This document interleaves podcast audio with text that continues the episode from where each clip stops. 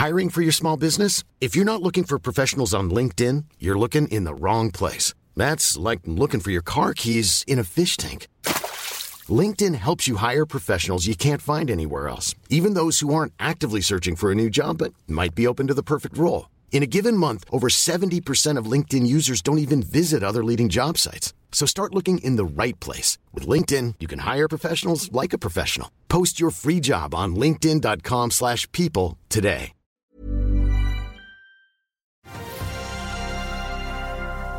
Oljepris, gjeldstak og resultatrush. Det ligger an til å bli en spennende børsuke. Det er 5. mai, og dette er Børsmorgen.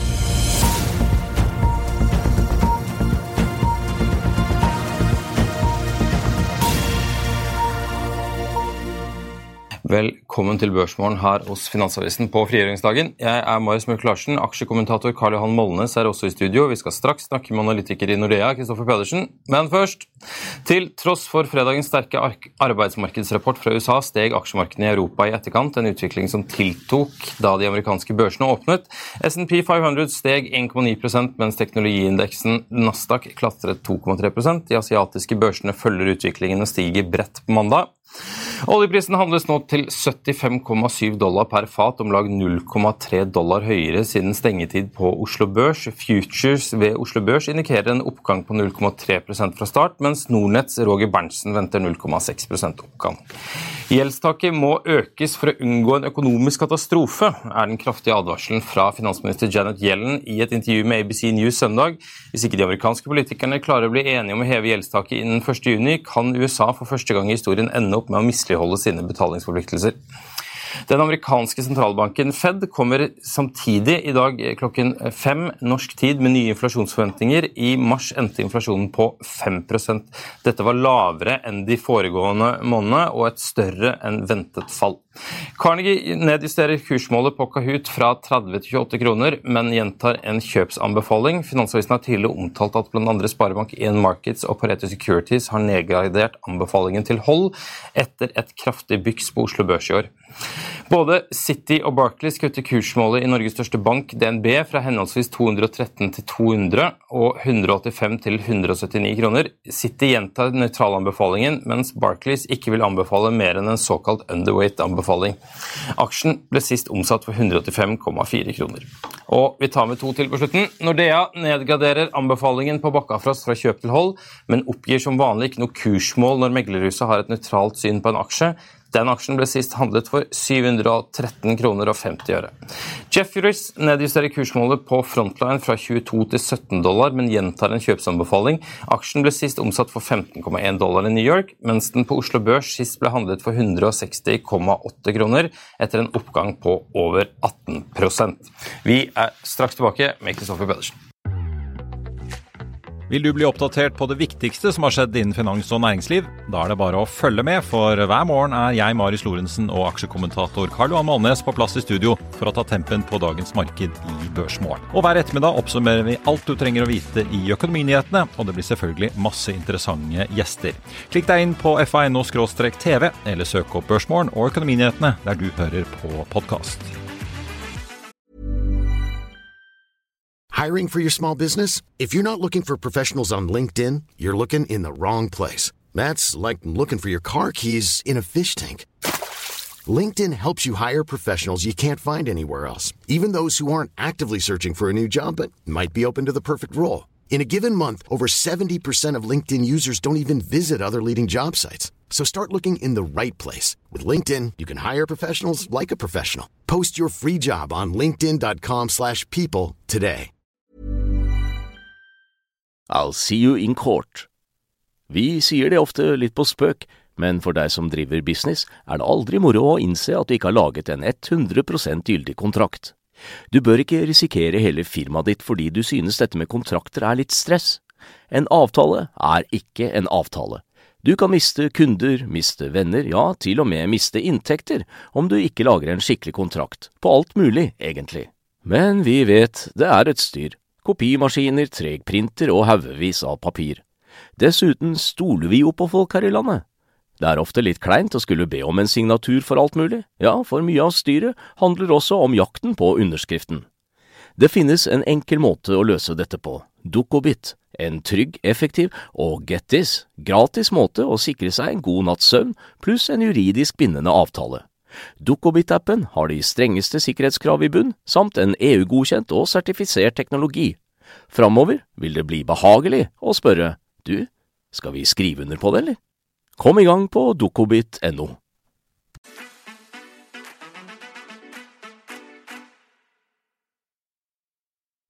God morgen, Karl Johan. Vi skal snakke litt eh, amerikanske banker og fortsatt krisestemning, men jeg tenker vi begynner med Kristoffer. Og så sier vi god morgen til deg, Kristoffer. Velkommen til oss. God morgen. Takk du, for det. Vi, vi, hopper rett i det. Nordic Semiconductor, der har det jo vært ganske deprimerende den siste tiden. Hva, hva, hvordan ser du på aksjen om dagen?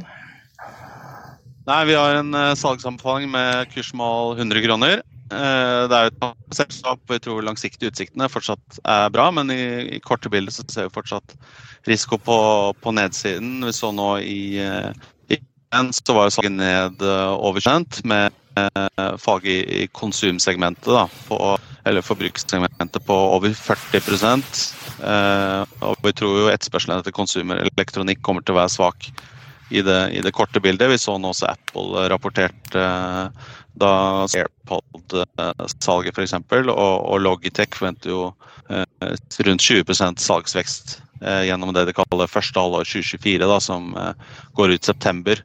Så vi tror i korte bilder at fortsatt risikoen på, på salget er på nedsiden. Og hvis du ser på det de eh, guider, så forventer du jo flat Q2 Eh, at litt forbedring kvartal og kvartal i Q3, og at det blir year over year i Q4. da. Og Hvis du skal tro på det i Q4, så vil jeg si en 30-40 eh, opp på salget kontra det man så i Q1. Så vi tror fortsatt risikoen er på nedsiden.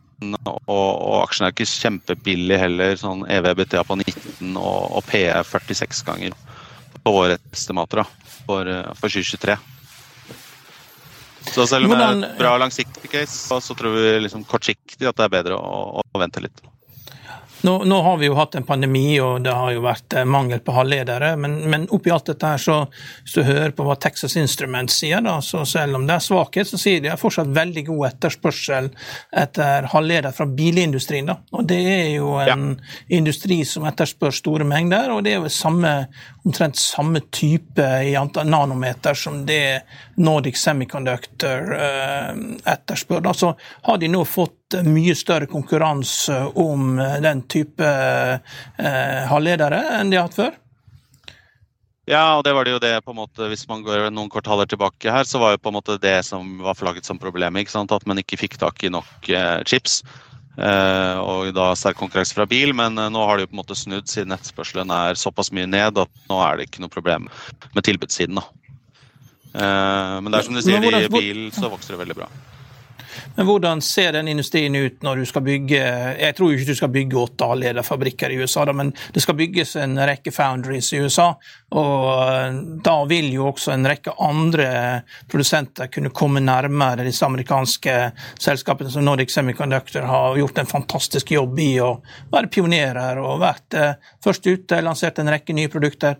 Blir konkurransen mye hardere, tror du, framover? Er nok litt hardere, for det har jo vært litt sånn nisjemarked. og Det begynner jo å bli mye, mye større nå, men uh, samtidig så disse nye fabrikkene fokuserer vel i hovedsak på mer avanserte uh, noder. Og vi ser jo også Det er jo også sånn som Nod som får uh, mesteparten av, av sin chips fra Taiwan. Det er jo helt klart viktig å få flyttet supply chain mer til Europa og USA også, da, for å, for å sikre, sikre den. Du har kursmål 100, du har kursen er 114. Men jeg ser jo det er enkelte som har kursmål helt opp i 200. Hva er det de tenker på når de Det er jo dobbelt så Det er enormt sprik i kursmålene på den aksjen. her. Hva er det, hva er det liksom som kan rettferdiggjøre det? er en laveste kursmål 75, høyeste er 200. Dette er jo ikke vanlig i Norge. Hva er det, hvorfor det store spriket? Nei, det spørs nok. De som har 200, de ser nok på en måte veldig mer langsiktige storyen. Og da er det jo helt klart potensial for å komme komme dit igjen, men vi tradingmessig så tror vi i hvert fall kortsiktig at det er, er, bedre å vente og at man kan få bedre points. da. Selv om liksom, langsiktig så er det jo fortsatt en veldig, veldig bra story. Hvis vi går fra Jeg tror det er hoved, hoveddiffen. Ja. Ja. Hvis vi går fra en favoritt til en annen, fordi du dekker jo også Kahoot. Ja. Eh, og der, eh, som vi var inne på, der er det flere som mener at nå er, nå er, den oppturen for i år den er ferdig. Hva tenker du? Ja, vi har holdt på den aksjen, og det, eh, problemet er litt den er på en måte ikke veldig dyr. Eh, på rundt 23 ganger EVPT. Det genererer jo eh, bra med, bra med, cash og vokser helt OK nå, men den er heller ikke billig. Eh, så jeg ser ikke helt case for at den skal gå så mye opp, opp heller, altså.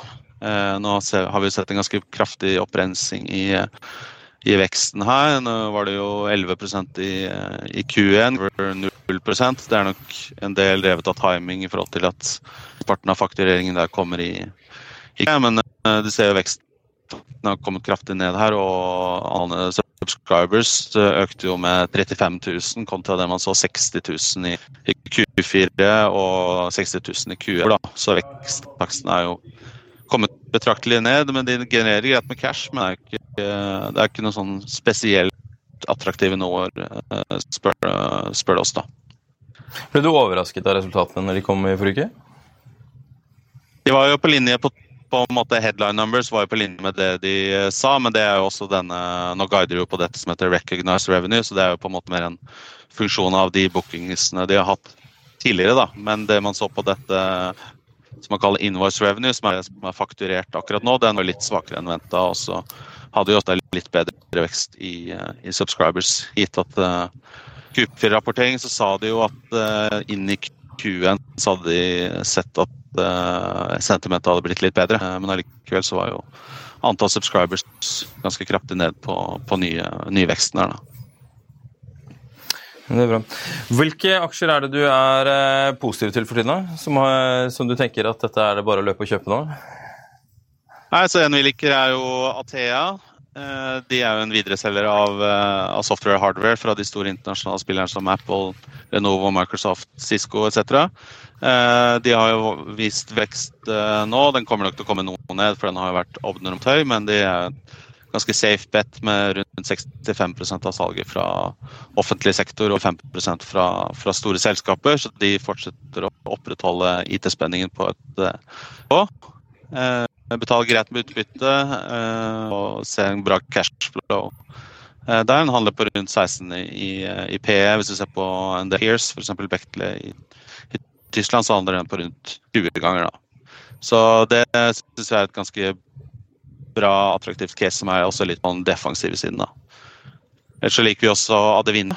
Eh, det er forventet bra vekst eh, nå, både som følge av pris, prisøkninger. Det er bil i Tyskland, eh, som er deres bilside der.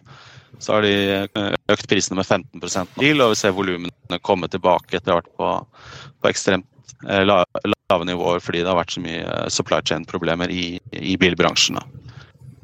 Mm. Så der tror vi på bra, bra inntektsvekst kommende årene. og Syns den handler på attraktive nivåer på BTA mot, mot sektoren. er vanligvis handler rundt 16, 16 ganger.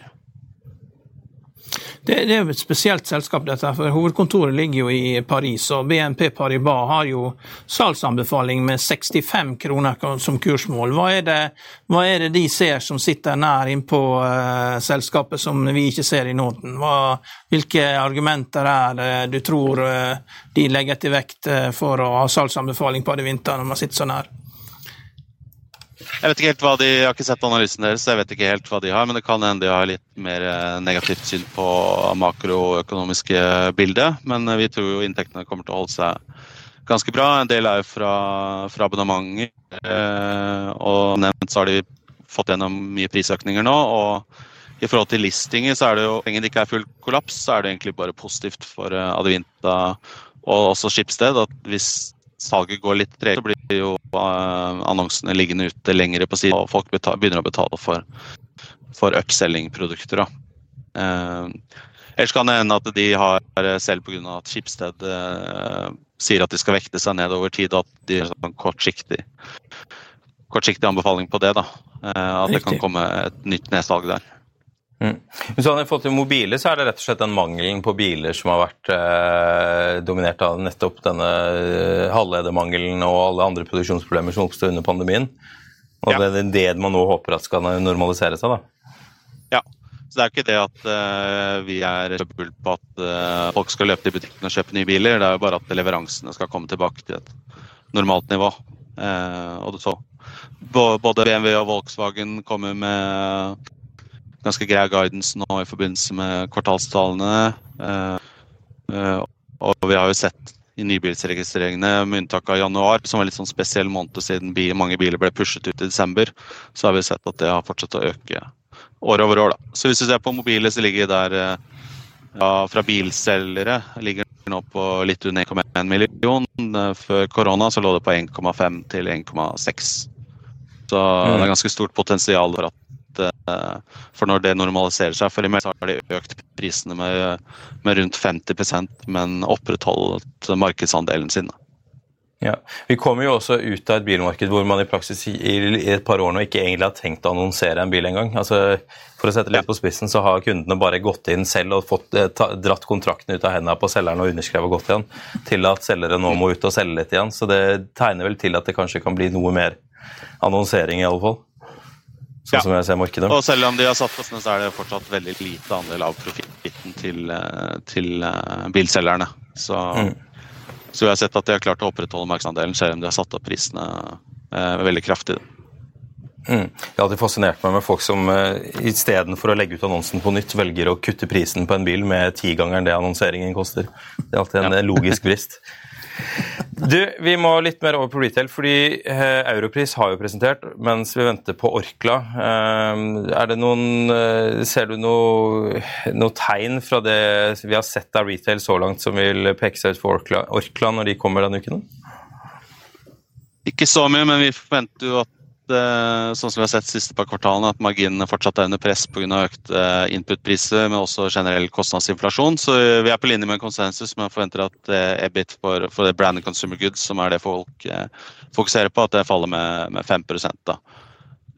Men så i løpet av året så forventer vi at marginene kommer opp ettersom man presser om prisøkninger og det får full, full effekt. Det er en del sånn lag-effekter her på, på kostnadssiden, også på innkjøp, som gjør at som gjør at innkjøpsprisene er opp, selv om på en måte hvis man ser på commodity-priser, så har jo de falt eh, en god stund nå. Men eh, eh, også er det jo også Norske kroner er altså veldig svake, da.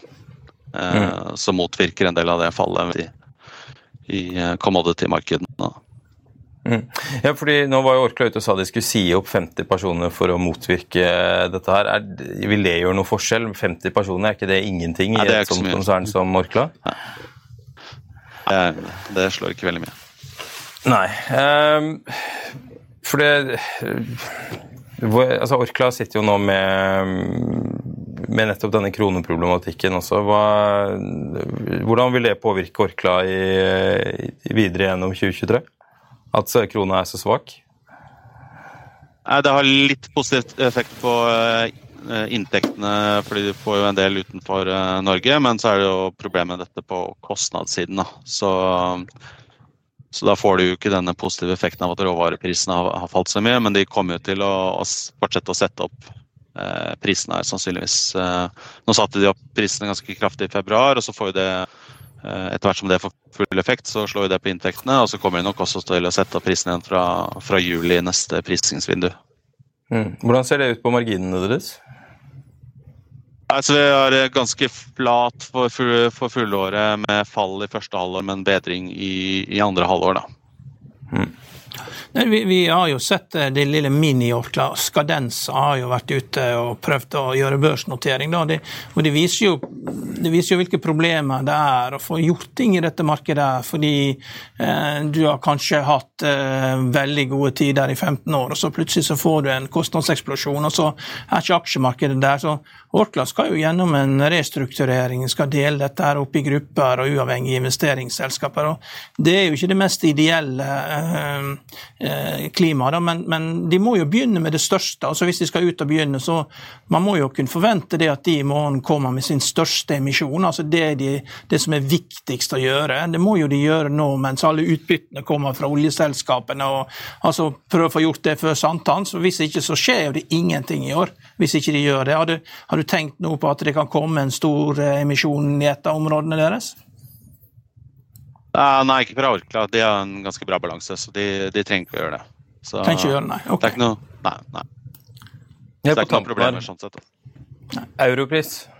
Hvordan har, Ja. eh, hvordan har de stått seg gjennom eh, altså det, det burde jo være en opplagt kandidat i et eh, når, når, når penger er dyrere, så bør de jo tjene Ja. mer penger. Nei, De har jo gjort det veldig bra. Kanonvekst gjennom korona. og Så fryktet man jo kanskje at det skulle falle en del tilbake når ting åpnet opp, men det har jo holdt seg overraskende bra. Det er jo noe ned hvis du ser det for prisveksten. da. Eh, Men de holder seg veldig bra. Eh, De får litt mer press på nader i år pga. lønnsøkninger. Litt opp i eh, kost, og så går leasingkostnader og renter også opp. Så litt mer press på kostnadssiden, men det er jo et veldig bra drevskap. og den er handler rundt eh, 13 i PE, som er ganske sånn historisk. Så vi har, vi har holdt på den, men det er jo et veldig bra selskap. og Den er jo ikke, den er jo ikke kjempedyr, men det er nok ikke sånn massiv oppside derfra heller. Nei. Kristoffer Pedersen, tusen takk for at du var med oss i Børsmorgen. Fra billige potetgull og vaskemidler til uh, her hjemme til USA. Der er det jo fullt kaos, virker det som. Ja, nå har jo eh, Warren Buffett og Berkshire Hathaway hatt sin uh, årlige samling, og uh, Warren Buffett sier jo at systemet er ustabilt. da. Og eh, Det er ikke uvanlig at systemet er ustabilt, men, men eh, det er ikke sånn umiddelbar løsning på problemet. Og Han sitter jo med 100 milliarder dollar i kontanter, og alle de regional, regionalbanksjefene har vært og besøkt han og lagt fram sin sak på hvorfor de skal få penger. og eh, Han har jo bare solgt bankaksjer de siste halvårene. Han solgte ut av eh, US Bancorp, som er, en, som er en veldig solid bank i det tryggeste området i USA, i Minneapolis, og du har eh, store amerikanske eh, selskaper der. Og, men likevel da så velger han å ikke eie den aksjen. Og Årsaken til det er at eh, de som kommer til å tape på bankkrisen i USA, det er aksjonærene. Eh, det er mye regnestykker der ute. En, et regnestykke sa, sa at eh, det er 722 banker som har mistet halve egenkapitalen sin. Og, eh, og Der ligger jo litt av nøkkelen til problemet. Da. Pacific West, en av de tre mest skada bankene, kuttet utbyttet sitt fra 25 cent til 1 cent sent sent fredag, etter alt var stengt. Og jeg tror vi kommer til å måtte eh, se det fra veldig mange andre også. Og typisk sånn, Så kutter man da til 1 cent utbytte. for Hvis du kutter null, så er det veldig mange som må selge aksjen. Kutter du til 1 cent, så beholder du fortsatt i aksjonærene. Og eh, Årsaken til dette her er jo at de, eh, de har eh, du, du har innskuddene, selv om innskuddene er stabile, da, så har du lånt ut dette her på, eh, til fastrentelån, 3, 5, 7 og 10 år til uh, ulike typer. og Når da renten går opp, så får du en mark to market, at uh, du får en, en, en nedjustering. Da, en, en, skjult uh, Altså det blir en du, du trenger ikke å ta den nedjusteringen på egenkapitalen, men, men, men det er et skjult tap da, som ligger der. Hadde du kjøpt obligasjoner, så hadde du måttet tatt det tapet hvis at det ikke, de obligasjonene ikke hadde vært holdt til maturity. Men trenger egentlig ikke å ta det tapet bokføringsmessig. Men, men, men det betyr jo at eh, her må det hentes inn masse egenkapital, og i tillegg da så må man jo stabilisere systemet. Men eh, det viktigste som, og enkleste som kan skje for å stabilisere systemet, eh, er jo det at man får en nedgangskonjunktur, slik at Federal Reserve får en unnskyldning til å senke renten med 4% sånn som de bruker å gjøre når det blir nedgangskonjunktur. Og, og eh, de tallene vi ser i økonomien der, at det er veldig gode tall, det øker jo bare smerten. At du da må fortsette å øke renten til du får noe som knuser. Og eh, alle regionbankene, de som får problemer, det, da får jo du problemer med tilgang på kreditt til økonomien, da. Og, og eh, så vi, vi, vi bygger oss sakte, men sikkert opp til at du Vi spaserer oss inn i en bankkrise gjennom sommeren som sikkert slår ut i løpet av høsten i USA. Men det er ikke til å unngå hvis ikke du får en nedgangskonjunktur før det. Det er jo alltid en tendens når det er en bankkrise i USA til at man skal ringe Buffett. Det er alltid Buffett som skal Ja. komme og ordne alt sammen. Det var jo det samme under eh, når Lehman, Lehman Brothers. eh, Kollapsen var, ikke var eh, realisert ennå, så ble jo han nedringt. Ja. Det, som, er spesielt med banker, er jo det at du må jo hente inn egenkapital for at du skal kunne vokse. og Det er jo også en av grunnene til at du aldri kan da gi full sikkerhet til alle innskuddene. For Hvis du kunne gjøre det, så kunne jeg jo starte en bank i, Springfield, eh, Ohio, og, og bare kjørt av gårde og uten å hente inn egenkapital, og så var alle innskuddene sikre. da, At eh, folk fikk igjen pengene sine, vi kunne gitt hva som helst i rente. og, og Derfor så blir den innskuddsgarantien den er fra bank til bank. Du kan ikke gi en universell innskuddsgaranti.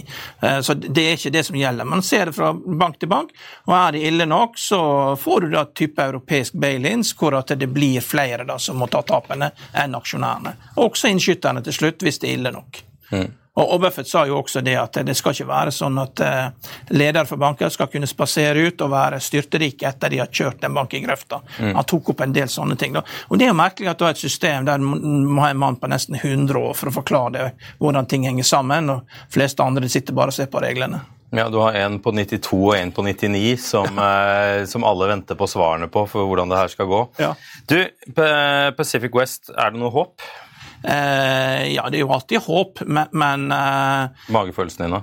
Nei, det det, det, det det, skal gå noen banker hver eneste helg nå framover. Og, og, det er jo ingen som kommer til å kjøpe de. Eh, så det, dette er jo sånn desperat. og Ikke får du egenkapital. For det er klart, her ligger jo Federal Deposit Insurance Corporation, altså og det er jo bankeid. Dette er innskuddsgarantien. Og det er jo ikke noe problem å refunde den. at når den har maksimal funding, da, så er det 2% av innskuddene. Men så lenge det bankene kan sette pengene i Federal Reserve for 5% og du har nullrent omtrent på innskuddene, så er det ikke noe problem å funde opp dette for bankene i verste fall. At ok, vi bare fyller opp igjen dette her. For det er jo småbanker som ryker nå. Mm. Eh, men det er klart, det er jo halvparten av utlånene er jo i skyggebanksystemet. da. Og, men, men, det også blir jo strypt, for veldig mye av de pengene som går til pengemarkedsfond eh, et, Etter finanskrisen da, så er mye av de pengemarkedsfondet er dedikert til statsobligasjoner. Eh, så Det er også en feil man kan gjøre, å se tilbake på ja, sånn var det før, og, og at ja, det gikk veldig mye av pengene til bedriften. Nei, det gjør ikke det. Veldig mye altså, Pengemarkedsfondet går i statsobligasjoner, fordi at det er det, det, er det man stoler på. Man, man, stoler ikke på bedriftene. Så vi, Det er en slags credit crunch som er i ferd med å utvikle seg, da, steg for steg. Vi hadde jo Anders eh, Johansen fra Danske Bank her før helgen, og han mente at han, han satt og stusset over at ikke de amerikanske myndighetene hadde innført en sånn stopp på shorting av banker som de gjorde under finanskrisen? Ja, men hadde det hjulpet, så hadde de gjort det. Men, men eh, hvis det du gjør det, så eh, kan man jo ikke inndekke seg. og Det betyr at man må jo selge aksjene da, hvis man skal ut. Man kan liksom ikke eh, styre risikoen sin, fordi at shorting blir jo brukt til å styre opsjoner. og Det har jo ikke virka før. Det, var, det, vil, det var noe som akselererer krisen, rett og slett. og Det er jo også sånn at meglerhusene kan vel fortsette å shorte selv om kunden ikke får lov til det. Mm. Så Det har jo vært litt av det dirty secret også under finanskrisen. At eh, hvis du var god nok kunde, så fikk du meglerhusene til å shorte bankene for deg. Helt til liksom eh, Morgan Stanley var i dødsspiral, og, og Hank Paulson ringte London og sa nå er det nok, liksom. Men, men eh, meglerhusene gjør jo dette likevel, så man skal jo være litt forsiktig med å, å uh, tro at man klarer å stoppe noe bare ved å forby det. Mm. Du tror Warren Buffett kommer på banen etter hvert? altså? Ja, ja, ja, helt klart. Han kommer når det, når det er attraktivt nok, men vi er ikke der ennå. Og han sa jo at systemet er ustabilt, og da vil man jo da måtte komme opp med en ny måte å stabilisere det på. Og sa jo det at eh, Han har jo sjøl 100 milliarder dollar, og jeg har prøvd å finne ut liksom hvor de pengene er plassert. Han kan jo trykke på en knapp han, og så flytte de pengene ut av en bank, og, det, og, og gjøre den banken, uh, gjør at den banken må, må rett og slett i receivership med en gang. Så han ser jo det at det er mye enklere nå å skape ubalanse. Så, eh, men jeg, har, jeg, vet ikke hvilken løsning man har på dette, her, men at man må lage et mer solid system enn det du har. For bankkriser Hvis du lar bankkriser få lov til å utvikle seg uten støtte for Federal Reserve, så får du depresjon. Men det tillater man ikke. Man, det, det, kommer ikke til å skje. Så innskyterne kommer til å få igjen pengene sine, og, og Federal Reserve kommer til å overflømme markedet med likviditet eh, når krisen er her men vi må ha en krise som gjør at du får en slags sånn kom til Jesus-øyeblikk, der at folk liksom eh, tar det litt med ro, og du, du, du får inflasjonen ut av systemet. Da. For så lenge den er der, så får ikke du ned rentene, og da har vi et problem. Mm. Apropos problem, uh, Janet Yellen sier at uh, hvis ikke uh, de får gjennom dette uh, gjeldstaket nå, så, så, er løpet kjørt. Da er det ikke full krise. Hva tror du? det er en klar forhandling som skal skje mellom replikanerne og eh, demokratene. Og de begynner jo nå, det vil møte i morgen, første møte 9. mai. Og eh, så vil vi da se at eh, begge partiene har lyst til å få seg noen seire. Og alle skjønner at man må ta tak i dette her. Og, og da er det ulike kjepphester som skal gjennom. Da, og eh, ja, Det er mange, mange måter å, å, gjøre det på. Da. Men, men, uansett hva som skjer, det er et kapitalistisk land. Og kjernen i økonomien, at det vil fortsette å være kapitalistisk, og at de vil bevare kjernen, det, det er ingen tvil om. Men eh, de har jo liksom lekt seg med dette med å stenge ned da, i en kort periode. At du kan stenge ned offentlig sektor en uke. Jeg gjorde det med Obama, iallfall. Ja, og, og da, da og trusselen det har vært eh, ratingselskapet som sagt OK, eh, vi har det nå på watch, og da kan du få nedgradering. Og siste skjedde, så falt SMP 500 med 15% Og børsen er jo steindyr. Folk driver og gjemmer seg inn i Apple, som har 3% fall i inntektene, og det er 30 ganger earnings. Så det er, det, er, jo bare noen få aksjer som driver dette markedet. Hvis du ser på uh, Russell 2000 små aksjer, så går det nedover sånn som dette her. er Fem store bølger. Det er omtrent som å se en stor stein som ruller ned fra mannen, at den spretter da, så uh, spretter. Og det er klart, Dess lenger ned du kommer, dess større fart den stein får, dess mer spretter den. Men det, det, blir ikke noe bull market fordi at det er en stein som har fått stor fart nedover bakken, spretter. da. Men det er bare å se på indeksen for småaksjene. Det går bare nedover, dette her.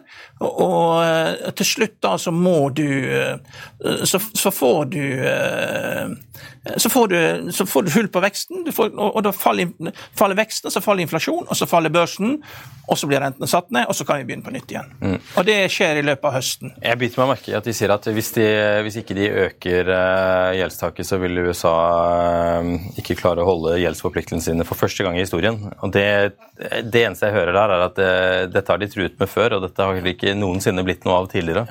Nei, men så USA er jo finansiert av utenlandsk kapital gjennom historien. ikke sant? Det er jo engelskmenn og franskmenn og alt sånt som har finansiert det. Og, og, og, og tidlig, hvis du går langt, langt tilbake, da, og, det har jo vært perioder hvor man har overeksponert, og så har man fått det inn igjen. igjen da, med, men, men, vi er ikke der. altså Nå er vi i en situasjon hvor at uh, Federal Reserve kommer til å tette igjen dette for de feilene man gjør, men, men, men det, er, det, det, er, sjelden man ser en regjering som er så interessert i å skape en nedgangskonjunktur som det er nå. altså. Er, alle har lyst til å få rensa opp i systemet. fordi Den økonomien du har nå, det er jo det at uh, de som har arbeid, gjør jo det relativt bra. De som blir pressa, det er jo de som har kapital. altså Du komprimerer kapitalen. Eh, og det man, kan, man kan ha mange syn på det, men, men, men, at du gjør det litt lettere for folk som har arbeid, å, å kjøpe seg en bolig og sånn, det er ikke sikkert det, det er det verste. Men, men må liksom, du må rekalibrere, du må få ned rentene for å få dette her eh, resatt systemet. da. Mm. Jeg så en mente at uh, Joe Biden kunne bare han kunne bare si at dette, det å ikke klare å overholde gjelden sin, det var grunnlovsstridig. Så de, derfor måtte de heve gjeldstaket. Jeg har nok mine tvil om at det blir en realitet likevel. Men, ja, nei, det, skal det, forhandles, det skal forhandles. Og det er klart det er, der er eh, ting som det går an å gjøre noe med. da. Ja. ja. At det blir unconstitutional, den uh, vrien tviler jeg på at vi, vi får se. Ja. Du, jeg må bare minne om at vi er tilbake med Økonominyhetene klokken 14.30, og at du selvfølgelig kan høre denne sendingen som podkast der du hører podkast. Bare søk opp Økonominyhetene og Børsmorgen, og så ses vi senere i dag.